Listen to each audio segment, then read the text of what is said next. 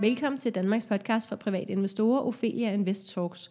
Mit navn det er Sara Ophelia Møs, og jeg driver Ophelia Invest og forlader penge med mit dygtige team. Vores mission det er at skabe rum for læring, og vores vision er, at alle danskere ved, at investeringer er på bordet, hvis vi vil det.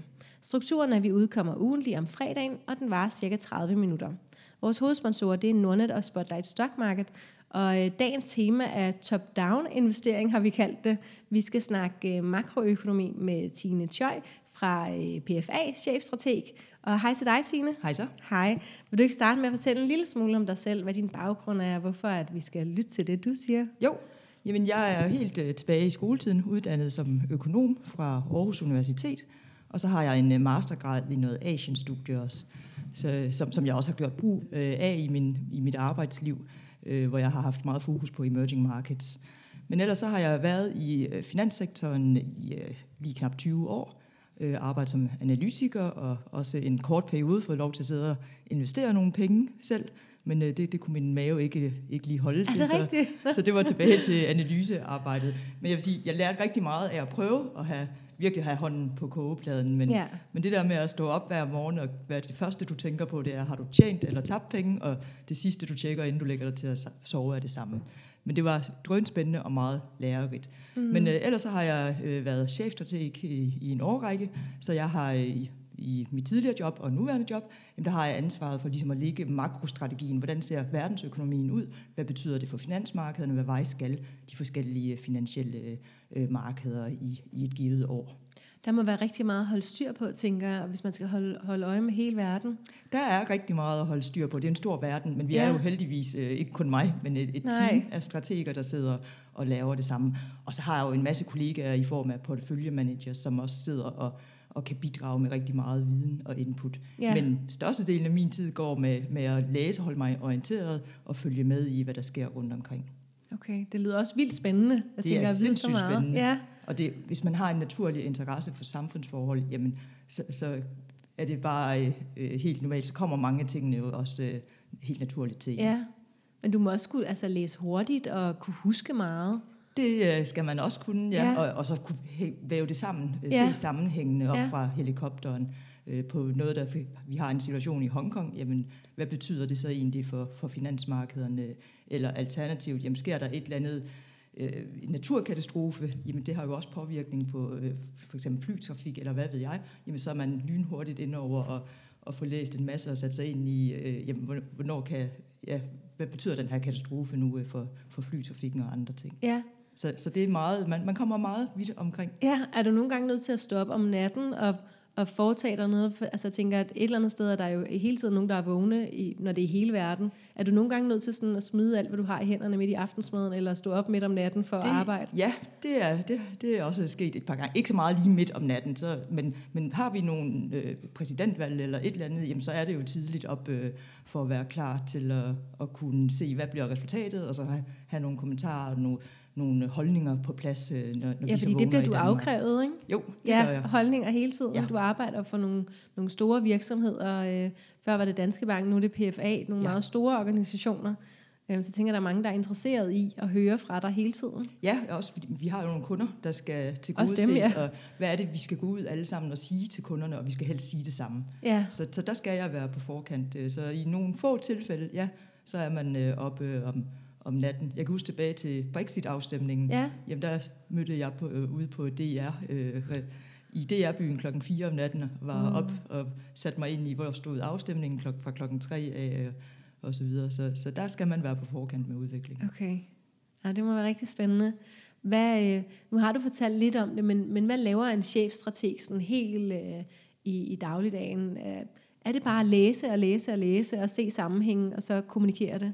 Ja, det, meget af tiden går med at, at følge med og sætte sig ind i, øh, i de forskellige begivenheder rundt omkring. Og der er jo, vi har nogle helt faste ting, som for eksempel de makroøkonomiske tal, vi får, dem har vi jo en kalender for at vide, hvornår vi får. Så der ved man, hvornår man skal Ja. ligesom lægge alt andet til side. Men så er der alle de andre ting, som sker. og det er jo alt, hvad der sker på den politiske front. Det kan være geopolitik, øh, jamen det, øh, det kan være, hvad Donald Trump nu tweeter eller snakker om. Det kan være taler fra nogle andre vigtige folk. Det kan være finanslov eller den, alt, der simpelthen kan påvirke finansmarkedet. Ja. Og vi må nok erkende, at i dag, jamen der, alt kan påvirke Ja. markederne.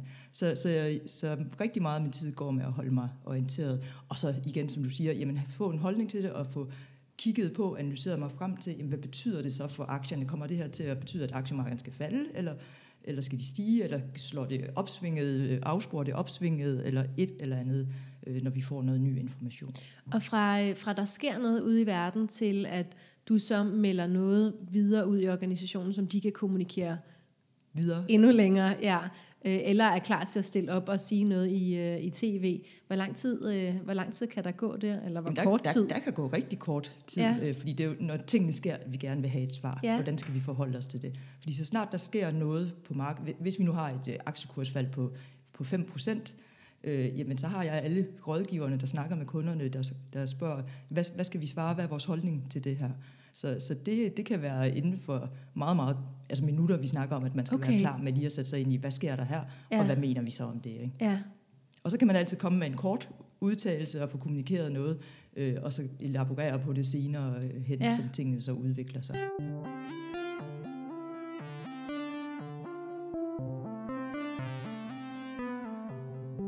Kan du tegne et billede af, hvad der fylder mest i hovedet på en chefstrateg for tiden?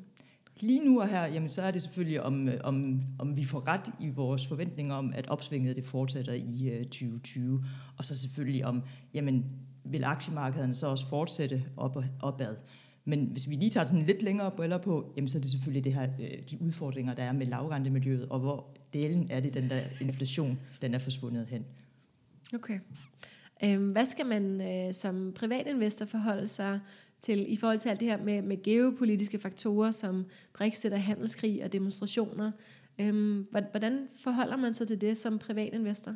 Politik er jo øh, oftest det, vi betegner som, øh, som hvid støj, fordi det kan potentielt gå ind og påvirke stemningen, men igen, jamen, så er det jo ikke noget, der fundamentalt ændrer på, om et opsving er i gang eller ej. Jeg tror, den vigtigste forudsætning for at forstå, øh, hvorfor man har sådan nogen som mig ansat i, i store finansielle virksomheder, jamen det er, fordi som udgangspunkt, så er et opsving egentlig det, der ligesom sætter rammerne for, om hvilke aktier øh, eller øh, aktivklasser, der så skal stige og, og falde. Er der ingen vækst, jamen så er det altså også svært at få et afkast på, på investeringerne. Ja.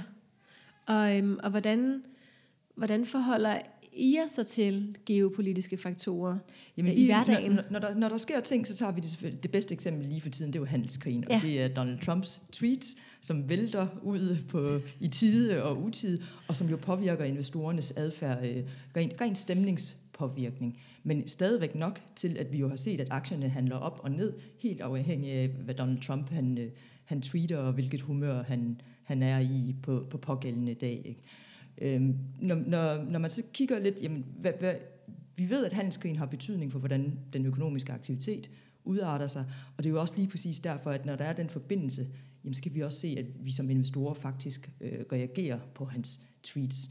Men vi ved jo også godt, at det han tweeter tit, det er jo bare nogle intentioner. Det er jo ikke, øh, der hvor de har størst effekt, det er, når han skriver ud, nu hæver jeg tolvsatserne. Ja. Men når han truer med det, jamen så bliver vi også lidt bange, men alligevel så er det ikke det, der får lov til at bestemme retningen på markedet øh, helt entydigt.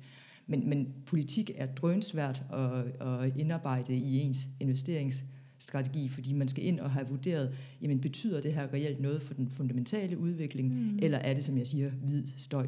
Og så er det jo ekstremt binært, så det er jo enten, enten gør han det, eller så gør han det ikke. Mm. Og vi kan, vi, vi har mange modeller, det, vi kan modellere mange ting, øh, men lige præcis Donald Trumps tweets, de er altså svære at lave. Dem er der ikke nogen modeller for. Nej, de er ret svære, fordi, fordi han, er, han er jo et menneske, vi er jo alle sammen mennesker og agerer.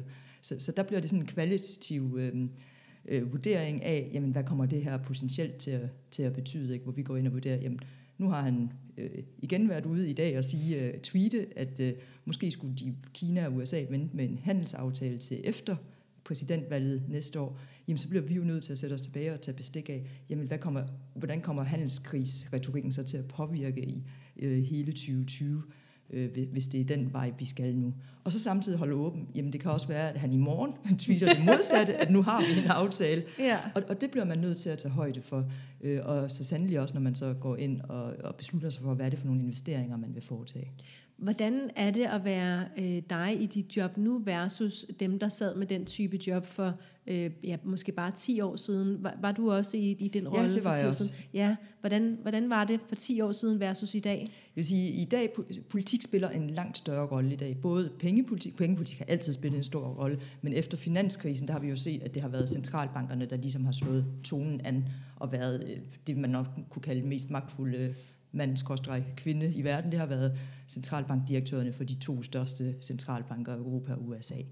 Og de sidste fire-tre år, jamen der må vi så også sige, at politik, igen anført af Donald Trump, har fået en helt, helt ny betydning for, øh, for hvordan vi agerer på de finansielle markeder. Det, det er jo noget, vi slet ikke har været vant til i en årrække, at øh, politikerne ligefrem har kunnet slå tonen an på markedet.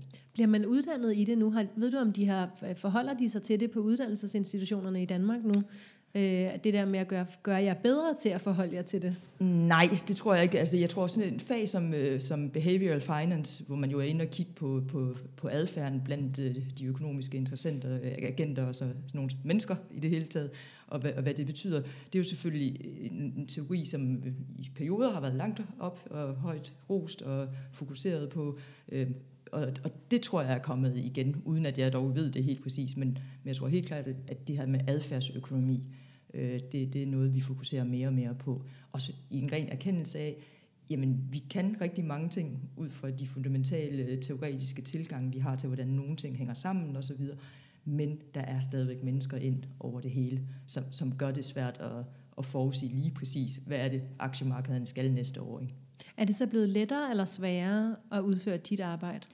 Øh, begge dele vil jeg sige, fordi øh, jeg tror, at informationsflowet er jo blevet så meget større. Vi har jo tilgang til uendelig meget information og uendelig mange kilder, som skal afsøges og som man øh, følger med i, og man, man gør selvfølgelig sit bedste for det minimeret til en håndfuld, eller et, ja, øh, to håndfulde måske, som man følger tæt, og som man stoler på, kommer med nogle, noget godt input, som man kan bearbejde. Ikke?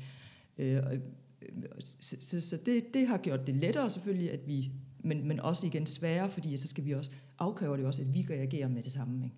og kommer med et svar ud til, til vores kunder. Alene det, at, jamen, at ens virksomhed, der hvor man er ansat, jamen, de har Facebook-profiler i dag, og, og der kan kunderne stille spørgsmål. Jamen, hvis man har den mulighed, så bliver man også nødt til at være nogen, der svarer, for ellers hjælper det ikke rigtig noget at have, have de her profiler på de sociale medier.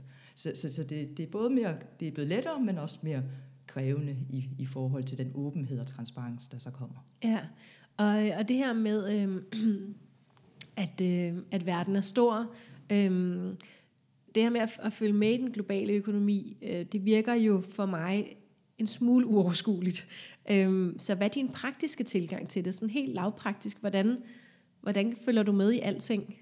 Jamen jeg tror, øh, jeg kan, jeg kan huske dengang jeg startede i mit, i mit første job, øh, hvor jeg også synes, at verden var voldsomt stor, og der var rigtig, rigtig mange ting, øh, man, man skulle holde styr på. Men, men som tiden går, og man får fulgt med, og man kan se nogle sammenhæng, så, så forhåbentlig så går, går der lige efter et par år, så opdager man måske lige pludselig, hvor meget man så egentlig ved.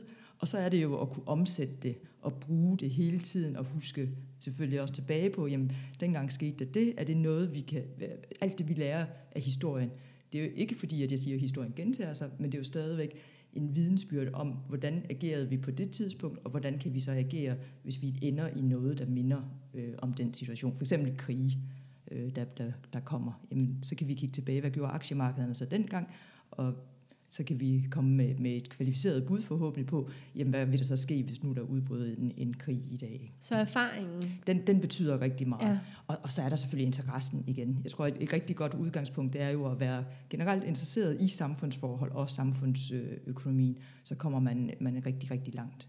Og hvad, hvad helt, øh, igen helt lavpraktisk, hvad er det for nogle medier, du bruger til at følge med i? Er det noget, private investorer kan lade sig inspirere af? Ja, jeg, jeg, er, jo så, jeg er jo velsignet af at være ansat i, i en større virksomhed, så jeg har jo adgang til, til sådan noget som Bloomberg og, ja. og Reuters-terminalerne, det hvor, nyhederne, jeg, du sige, ja. hvor nyhederne de flyver øh, ud. Men, men, og jeg har adgang til en masse investeringsbankers analyser også. Men derudover så findes der jo netop på øh, internettet i dag øh, virkelig mange gode kilder, øh, hvor man kan gå Men ud. også mange dårlige kilder. Det gør så der hvad også, er det for nogle, man vi skal kigge i. efter? Ja, der, der er jo nogle, nogle øh, mange, rigtig mange kapitalforvaltere, som, som laver noget research, som er tilgængeligt, øh, og, og hvor man faktisk kan få, få noget ganske fornuftigt øh, input med sig. Men man skal som altid være kildekritisk selvfølgelig, mm. og se, jamen, hvad er det for nogle interesser, hvem er det, der skriver, og, og, og hvad er deres agenda, fordi meget, altså, der er mange sælgere også derude. Ja. Men, men jeg tror, at man, når man følger nogle forskellige øh, medier eller kapitalforvaltere et eller andet, jamen, så kan du også stille og roligt få sorteret, jamen, hvor er det, du synes, at du får noget, noget godt input. Og så synes jeg, det vigtige er jo at have ikke kun én kilde, man forholder sig til. Fordi at vi, igen, vi er mennesker, så når der kommer et nøgletal, så er der altså lige så mange mennesker, vi er, lige så mange fortolkninger, der er også på, ja. om det nøgletal nu betyder, at det bekræfter, at opsvinget fortsætter, eller er det det modsatte. Ikke? Hvis du var privatinvestor og skulle vælge tre kilder, som du kunne holde dig opdateret gennem, hvad, hvad ville det så være? Oh, det var et rigtig godt spørgsmål. du må godt tænke over det. ja, det tror jeg lige, jeg skal, fordi jeg har jo, jeg har jo, nu har jeg jo adgang til så mange ting, mm. så hvis jeg nu ikke havde de adgange... Ja, hvor vil du så gå hen og kigge? Jamen, så vil jeg jo nok, øh, jeg vil især bruge internettet. Der, der er nogle apps, øh, invest, øh, investing.com, øh, som har nogle meget gode øh, markedskommentarer til, når der kommer nøgletal for eksempel, eller der, der er et OPEC-møde, eller et eller andet, hvor der kommer nogle kommentarer ud. Øh, og, og derudover så får man faktisk også øh, realtidskurser på den, i den app. Ja, for søren. Et, et meget godt fif. Ja, det skriver vi ned med det samme. Yes. Og, og, så, og så udover der, investing.com, jamen så, så? så er der øh, hedgefonde som Zero Hedge, som øh, ofte har nogle små artikler, hvor de refererer til et eller andet fra de større investeringsbanker. Ja. Øh, som, som man også kan få adgang til, for eksempel via, via Twitter eller, eller andre sociale medier. Ja. Og det, der igen, man, som jeg sagt, man, man, man skal sortere i sin, man skal være kritisk, kildekritisk altid. Ikke? Men det er rart Men, at starte med et, et godt medie, altså så ja, kan man så hvor man kan blive inspireret, ja, og så kan præcis. du læse lidt og få en følelse af, jamen, hvor meget er det egentlig, jeg skal følge med i, og hvor tit kommer der nogle, øh, øh, nogle små skriv, som jeg skal holde øje med. Ikke? Er der en tredje? Så vil jeg jo sige, at medierne generelt, altså nyhedsstrømmene, nogle aviserne, øh, øh, hvor, hvor der jo også her i Danmark over de seneste 10 års tid er kommet et langt større fokus på investering i det hele taget, jamen der får man altså også øh, nogle, nogle ganske gode indsigter i øh, forskellige nøgletals offentliggørelser og så videre. Altså Berlingske for eksempel? For eksempel, bare, ja. eller børsen. Eller ja. børsen, godt. Ja. Så, så vi tager børsen. Okay, godt. Men det er tre helt konkrete forslag. Det, det er ja, altid det, rart for os. Det er et godt øh, sted at starte ja. i hvert fald. Og så kan man så udvide, fordi ofte, for eksempel sådan noget som Zero Hedge, jamen de har jo sådan nogle, hvor de linker til nogle andre, øh, ja. lige kommer med et eller andet kilde, hvor har de det her fra, og så kan man så udvide stille og roligt. Så sådan snibboldmetoden, at man, ja. man læser videre ud i. Ja. ja. Ophelia Invest Talks er sponsoreret af Spotlight Stock Market. Spotlight er markedspladsen, hvor investorer og vækstselskaber mødes. Hos Spotlight er det enklere og tryggere for selskaber at være noteret. Øh, og hvis man som almindelig privatinvestor er interesseret i den økonomiske udvikling på makroniveau, hvor vil du så anbefale, at man starter hen? Hvis man nu sidder derhjemme og lytter til det her og tænker sådan, wow, det lyder vildt spændende, det kunne jeg også godt tænke mig at, at vide mere om. Jamen igen, så, så er vi tilbage i de, i de helt almindelige øh, danske aviser, hvor jeg, som jeg jo synes dækker ganske fint med, hvad er det egentlig, der sker ude i øh, både i Danmark, dansk økonomi, som jo er det, der står os nærmest, og især når vi også starter med at investere, så er det jo typisk øh, danske aktier, vi kigger på, fordi det er selskaber, vi kender. Øhm, så, så, så igen, det at interessere sig bredt for samfundet og følge med, øh, med der, og der vil jeg sige, de kilder nyhederne, øh, TV2 News, øh, DR, TV-avisen osv., jamen igen øh, et godt sted at, at starte op og se, om man overhovedet har interessen. Ja. Fordi hvis man ikke kan holde ud og sidde en halv time og, og, og lytte på, på, hvad der er sket og rundt omkring i verden, i, øh, jamen så er det måske ikke her, man skal ligge sine sin kræfter, men så gå ind og koncentrere sig om, om, om de mere specifikke ting ved investering. Ikke? Ja, okay. Øhm, hvilke nøgletal og indikatorer bør man eventuelt følge, øhm, hvis man er interesseret, og hvor finder man så de oplysninger? Den absolut, det absolut vigtigste nøgletal, det er det, vi kalder PMI'erne. Øh, så øh, erhvervstillidsindikatorerne øh, fra de store økonomier. Så det, det er Europa, det er øh, USA, og så er det især Kina også. De bliver lavet for, for de nordiske lande også, og mange, alle lande rundt omkring i verden. PMI, det står for Purchasing Managers Index, det er Purchasing, purchasing managers, managing, managers Index. index ja. Man spørger simpelthen indkøbschefer i alle virksom, i en stribe virksomheder i de forskellige lande om, hvordan det går. Og der er man ude og spørge, for eksempel, jamen, skal I, har I meget på lager, skal I ansætte, eller skal I sænke priserne, eller går salget godt og dårligt, så vejer man dem sammen, og så skal det helst ligge over indeks 50. Over 50? Ja, 50 er skillelinjen for fremgang og tilbagegang. Okay. Det er et tal, vi får tidligt på måneden. Øh, Vi har lige fået det for, for øh, USA øh, og alle de større, store europæiske økonomier i, i mandags her. Øh, Og det siger altså rigtig, rigtig meget om stemningen øh, i, i, i den økonomiske aktivitet. Det er også, okay. hvis du tager tillidsindikatoren her, ligger sammen med BNP-væksten, så er der en rigtig, rigtig fin sammenhæng. Det samme er, hvis du tager indtjeningsvæksten i virksomhederne i de pågældende lande. Igen en rigtig, rigtig fin sammenhæng. Så det er nok den, den vigtigste, det vigtigste makrotal, vi får, der siger noget om, hvordan, hvordan går det til. Og hvor finder man det som privatinvestor? Jamen, man- man- alle medierne, igen aviserne, de helt almindelige aviser, jamen Ja. de, de har kommentarer øh, på det, når det kommer. Hvis man, Okay. hvis man har abonnement på, øh, hvad ved jeg, Finans.dk eller børsen, jamen så popper der, øh, så får du sådan en, øh, en besked, hvis du ellers har slået din, dine meddelelser til øh, i appen, om at nu er, er tallet kommet, og hvad det så egentlig var på. Og det sker så, du sagde, Det sker en gang om måneden, En gang om får det måneden. her tal her. okay, altid sådan, det var dejligt nemt at have med at gøre. Øhm, hvilke anbefalinger er I ude med i forhold til vægtning af forskellige aktivklasser for tiden øh, i PFA? Ja, jamen vi, øh, vi, er, vi har jo en lovgivning, der siger, at vi skal være fuldt investeret, så vi har ikke muligheden for at gå kontant på noget tidspunkt. Kunne du Kundernes- tænke dig det? kunder- Er I, er I måtte det en gang imellem? Jamen til tider ville det da være rart, øh, fordi muligheden, netop hvis man tror på en større recession, øh, øh, eller kommer, jamen, eller et større øh, korrektion nedadgående retning på aktiemarkedet, så ville det da være rart at kunne tage noget risiko ud og stille på sidelinjen. Især fordi vi jo har de her ekstremt lave renter, hvor der ikke rigtig er noget afkast at hente på obligationssiden. Men vi har altså kun en mulighed for at vægte op og ned i, i henholdsvis øh, risikofyldte aktiver og mindre øh, risikofyldte aktiver. Men lige for tiden, jamen der er vi øh, øh, i øh, aktiemarkedet selvfølgelig, og der er vi, har vi en forsigtig, optimistisk strategi. Så vi har været os lidt, øh, øh beskyttet os, øh, søgt i sådan mere øh, defensive sektorer øh, for at beskytte os imod både handelskrigen, øh, som pågår mellem Kina og USA, og øh, så samtidig øh, også udvalgt enkeltselskaber, som er knap så konjunkturfølsomme, fordi vi jo har været igennem et år, hvor der har været meget tvivl om, jamen, hvilken retning skulle øh, verdensøkonomien egentlig. Og de defensive sektorer og ikke så konjunkturfølsomme sektorer, hvad er det for nogen? Det er for eksempel forsyningssektoren, og så er det stabilt forbrug. Så det er shampoo og tandpasta og mad og så videre. Nestlé yes. og al, alle Yes. de ting, vi altid har brug for, uanset ja. hvordan det, Godt. det går derude. Godt. Øhm, hvordan ser I på den nærmeste fremtid? Er der, øh, er der store skyer derude? Nej, vi har, øh, vi har meget svært ved at se, at der kommer en recession inden for de næste 12 måneder. Okay. Vi synes, at øh, vi, vi anerkender fuldt, at væksten, den globale vækst skal ned i et lidt lavere gear, især i, USA formentlig, øh, mens Europa nok skal en lille smule op fra det niveau, de er lige nu. Men, men den pengepolitik, vi har, hvor vi har set store lempelser her i løbet af 2019, jamen den øh, betyder altså, at øh, Federal Reserve, den amerikanske centralbank, har lagt brædder ud for at forlænge det opsving, øh, vi nu har befundet os i i mere end 10 år. Og det tror vi, når vi kigger på alle nøgletallene, arbejdsmarkedet især, hvordan forbrugerne har det i USA, jamen så har vi ekstremt svært ved at se, at, at der skulle komme en, en økonomisk nedtur inden for de næste 12 måneder.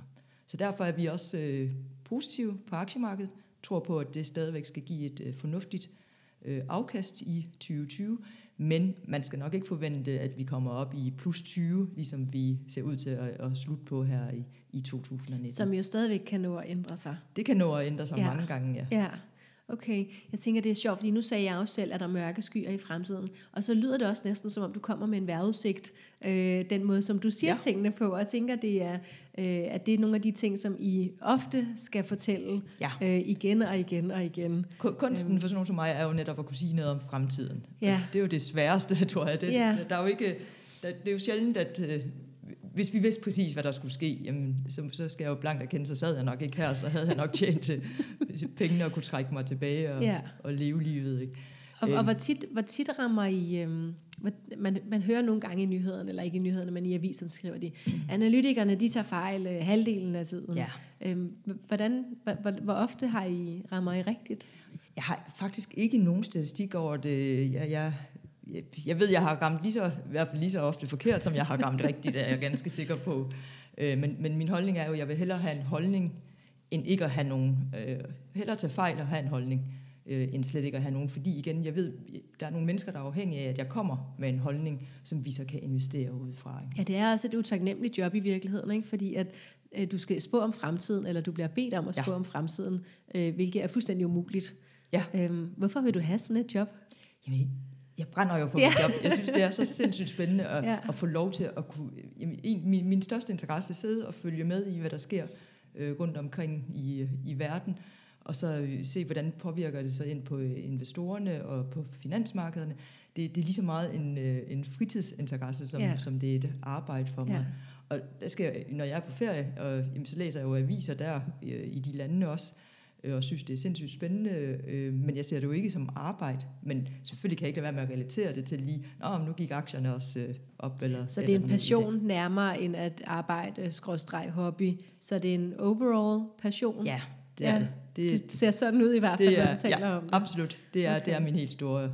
Og jeg brænder virkelig for det. Jeg synes, det ja. er, jeg føler mig privilegeret ved at kunne arbejde med, med noget, der egentlig også er en personlig interesse. Ja, det kan jeg godt lidt genkende. Ja. Har du et bud på, så hvornår den næste store korrektion kommer? Øhm, og måske også, hvordan man som privatinvestor bør forholde sig til det. Øh, fordi nu siger du, at den kommer måske ikke inden for de næste 12 måneder. Øh, det er jo fint nok, men hvis man er privatinvestor, og øh, mange, af, øh, mange af os private investorer er jo relativt famlende mm. øh, og usikre, øh, og med rette selvfølgelig, fordi vi ved jo heller ikke, hvad der sker. Øh, så hvordan forholder man sig egentlig bare generelt til tanken om, at der jo altid er en recession på vej? Ja, jeg vil sige, det kommer helt an på ens investeringshorisont, øh, og altså hvornår skal du egentlig bruge pengene, ikke? Øh, fordi vi ved, og det er sådan rent historiske fakta, og jeg holder mig meget selv til, til den viden, jeg har på det her område, at aktier, de øh, så tilbage til deres årlige gennemsnitlige øh, afkastniveau, og vi ved, at jamen, vi har perioder, hvor aktierne stiger rigtig, rigtig meget, så på et eller andet tidspunkt, så skal der komme noget, der ligesom trækker øh, de her afkast ned imod det historiske øh, gennemsnitlige årlige afkast på 6,7 procent. Og nu har vi jo for eksempel haft de sidste 10 år, at aktiemarkederne kun har været i en retning, men det korrigerer jo så for det store fald, vi havde i 2009, hvor aktierne faldt med over øh, 30 procent. Så vi ved, det kommer. Men har man en lang nok tidshorisont, jamen så er mit råd egentlig, at, at man holder sig til sin strategi. Øh, der, hvor det bliver vigtigt, og man skal tage, øh, formentlig lægge sin strategi om, jamen det er, hvis du skal bruge pengene inden for to til tre år, så bliver du nødt til at tænke over risikoen for, at den næste store øh, recession, den, den kan indtræffe. Men to til tre år, det er helt der, vi er nede, fordi jeg vil tænke sådan, at man, øhm, hvis, hvis jeg nu havde været investeret i en fond øh, i, øh, i 08, som faldt, øh, lad os sige 50 procent, øh, det gjorde nogle af dem jo, ja. øh, og så gik der noget tid, øh, 7 til 10 år, før den var op på niveau igen, så vil jeg jo tænke, at det er det, der skal være min tidshorisont, hvis jeg skal være garderet mod en krise. Jamen det vil det også være. Du skal, hvis du skal være garderet mod en krise, jamen, så skal du have i hvert fald 10 års øh, investeringshorisont. Okay. Fordi det er over lange perioder, at vi ser, at afkasten ligesom udglatter sig og kommer ned på det her øh, historiske afkast, øh, gennemsnitlige afkast. Ja. Så, men, men, men jeg vil sige, at jamen, det, der er rigtig vigtigt for mig, det er, jamen, tror jeg på, at recessionen kommer, eller gør den ikke? Fordi hvis den ikke gør, og nøgletallene opfører sig pænt, uanset at vi måske har et aktiekursfald på 10 procent, jamen så ved jeg også, at så, så kommer aktiemarkedet formentlig op. Vi så det jo sidste år, øh, fjerde kvartal sidste år, aktierne drøner ned, vi er næsten nede med 20 procent øh, globalt set, øh, men recessionen kom ikke. Nej. Og så fik vi et kæmpe rebound i markedet. Og jeg ved udmærket godt, det gør rigtig, rigtig ondt hele vejen ned, og man sidder og ærger sig, og især hvis man lige stod og skulle bruge pengene øh, til, til den store nytårsfest eller et eller andet, Øh, men, men igen, det vigtige er, hvilken holdning har du til, om recessionen kommer? Eller, vi, historisk, de store aktiekursfald, de kommer altså typisk sammen med en krise eller en recession. Øh, det andet, kan man sige, er, øh, er jamen, korrektioner, dem får vi. Vi ved, at aktier kører op og ned, og i gennemsnit, der har vi en 10% aktiekursfald øh, årligt. Øh, så, så de kommer, og vi skal formentlig også nok se, at der kommer en øh, her i i første halvår af, af 2020. Det vil i hvert fald ikke overraske mig, efter vi nu her i år jo bare har haft et, et helt fantastisk år. Altså så er der lige nogen, der, der tager gevinsterne. Så, så man kan aldrig gardere sig, og det er jo den risiko, man skal være klar over, når man går ind på aktiemarkedet, at der er altså også øh, perioder, hvor man vil tabe penge. Men så skal man bare lade være med at sælge?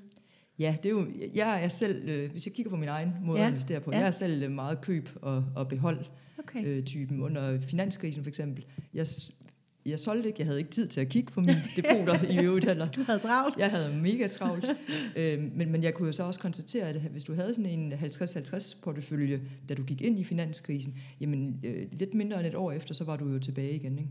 Og 50-50, er det 50% obligationer, obligationer og og aktier? aktier, Yes, okay. Øhm, hvor i verden er det særlig interessant at kigge efter afkast lige i øjeblikket? Jamen det vil jeg sige, at, at det jo faktisk er i, i den vestlige del af verden især. Øh, det er stadigvæk her, at vi har ops, der trækker, altså det er USA, der trækker opsvinget. Og så er det jo især teknologiselskaberne, man skal kigge på. Men er man lidt mere langsigtet end bare 2020, jamen så er det Asien, øh, man, man skal dreje hovedet imod. Fordi det er her, at, at, øh, at den, det økonomiske tyngde er ved at, at tippe over imod. Det er her, hvor middelklassen vokser absolut hurtigst. Øh, Den, øh, hvad er det, 90 procent af den næste milliard mennesker, der ryger ind i middelklassen, det er asiater. Så, så det er her, den økonomiske tyngde kommer til at Det lyder at godt for min portefølje. Jeg var, jeg var lidt meget, øh, jeg har enormt meget emerging market og Ja. Asien øh, og Indien for den sags skyld.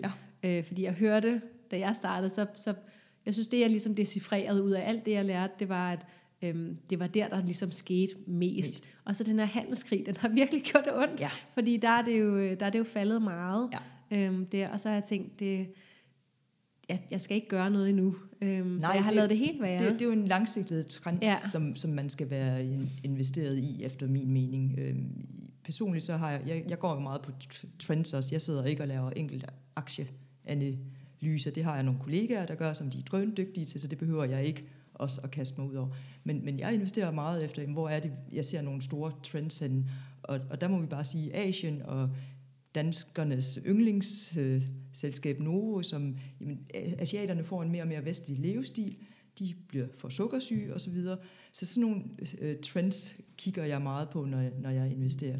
Øh, det samme med luksusforbrugsvarer. Jamen, når middelklassen vokser, jamen, så vil de også gerne have de samme luksusvarer, som vi og hvad er af. luksusvarer? Jamen, det, det er jo øh, øh, mærkevarer i den, i den dyre ende. Ikke? Okay, godt. Så jeg tænker, at øhm, afslutningsvis har du et godt råd til private investorer, enten som gerne vil følge med i makro, eller måske, det må også gerne bare være et mere generelt råd. Nu har du været på feltet i mange år, og rigtig mange af dem, som lytter til øh, lytter med her, vil være relativt nye. Øhm, så, så hvad kan du give os af guldkorn? Jamen, jeg vil sige, hvis du har besluttet dig for, at du vil investere penge, jamen, så er det bare om at komme i gang. Jeg siger ikke, at du skal vælte ud med hele det beløb, du har tænkt dig at investere. Der skal man selvfølgelig vurdere, jamen, hvordan ser markedssituationen ud lige nu. Øh, for eksempel kunne det være oplagt i dag, efter at Donald Trump har været ude og sætte, øh, tweete, at handelskrigen måske ikke er slut, så har aktierne sat sig lidt. Hvis man så stor, tror på mig om, at opsvinget fortsætter, jamen, så kunne man godt begynde at dyppe tæerne, øh, og så komme i gang med at investere. Fordi vi rammer aldrig toppe eller bunde som investorer, hverken professionelle investorer eller som private investorer. Så hvis man har truffet beslutningen om, at man vil i gang med at investere og, og få del i det potentielle afkast, der ligger derude, jamen, så kom i gang. Kom i gang. Ja. Det er det bedste råd. Ja. Fantastisk, det kan jeg godt bakke op om. Tusind tak, fordi du ville være med, Tine. Tak fordi jeg måtte. Og hvis du vil følge med i Ophelia Invest, så kan du gøre det på Facebook, Instagram og YouTube. Feedback er altid velkommen. Har du ris, ros eller forslag, så skriv endelig til kommunikationsnabla.opheliainvestor.dk. Du er også meget velkommen til at give os en rating på iTunes. Du kan komme ind og spare med alle os andre i Aktieklubben Danmark og Kvindelogen Investeret, som er to Facebook-grupper. Og så er der bare tilbage at sige tusind tak, fordi du lyttede med.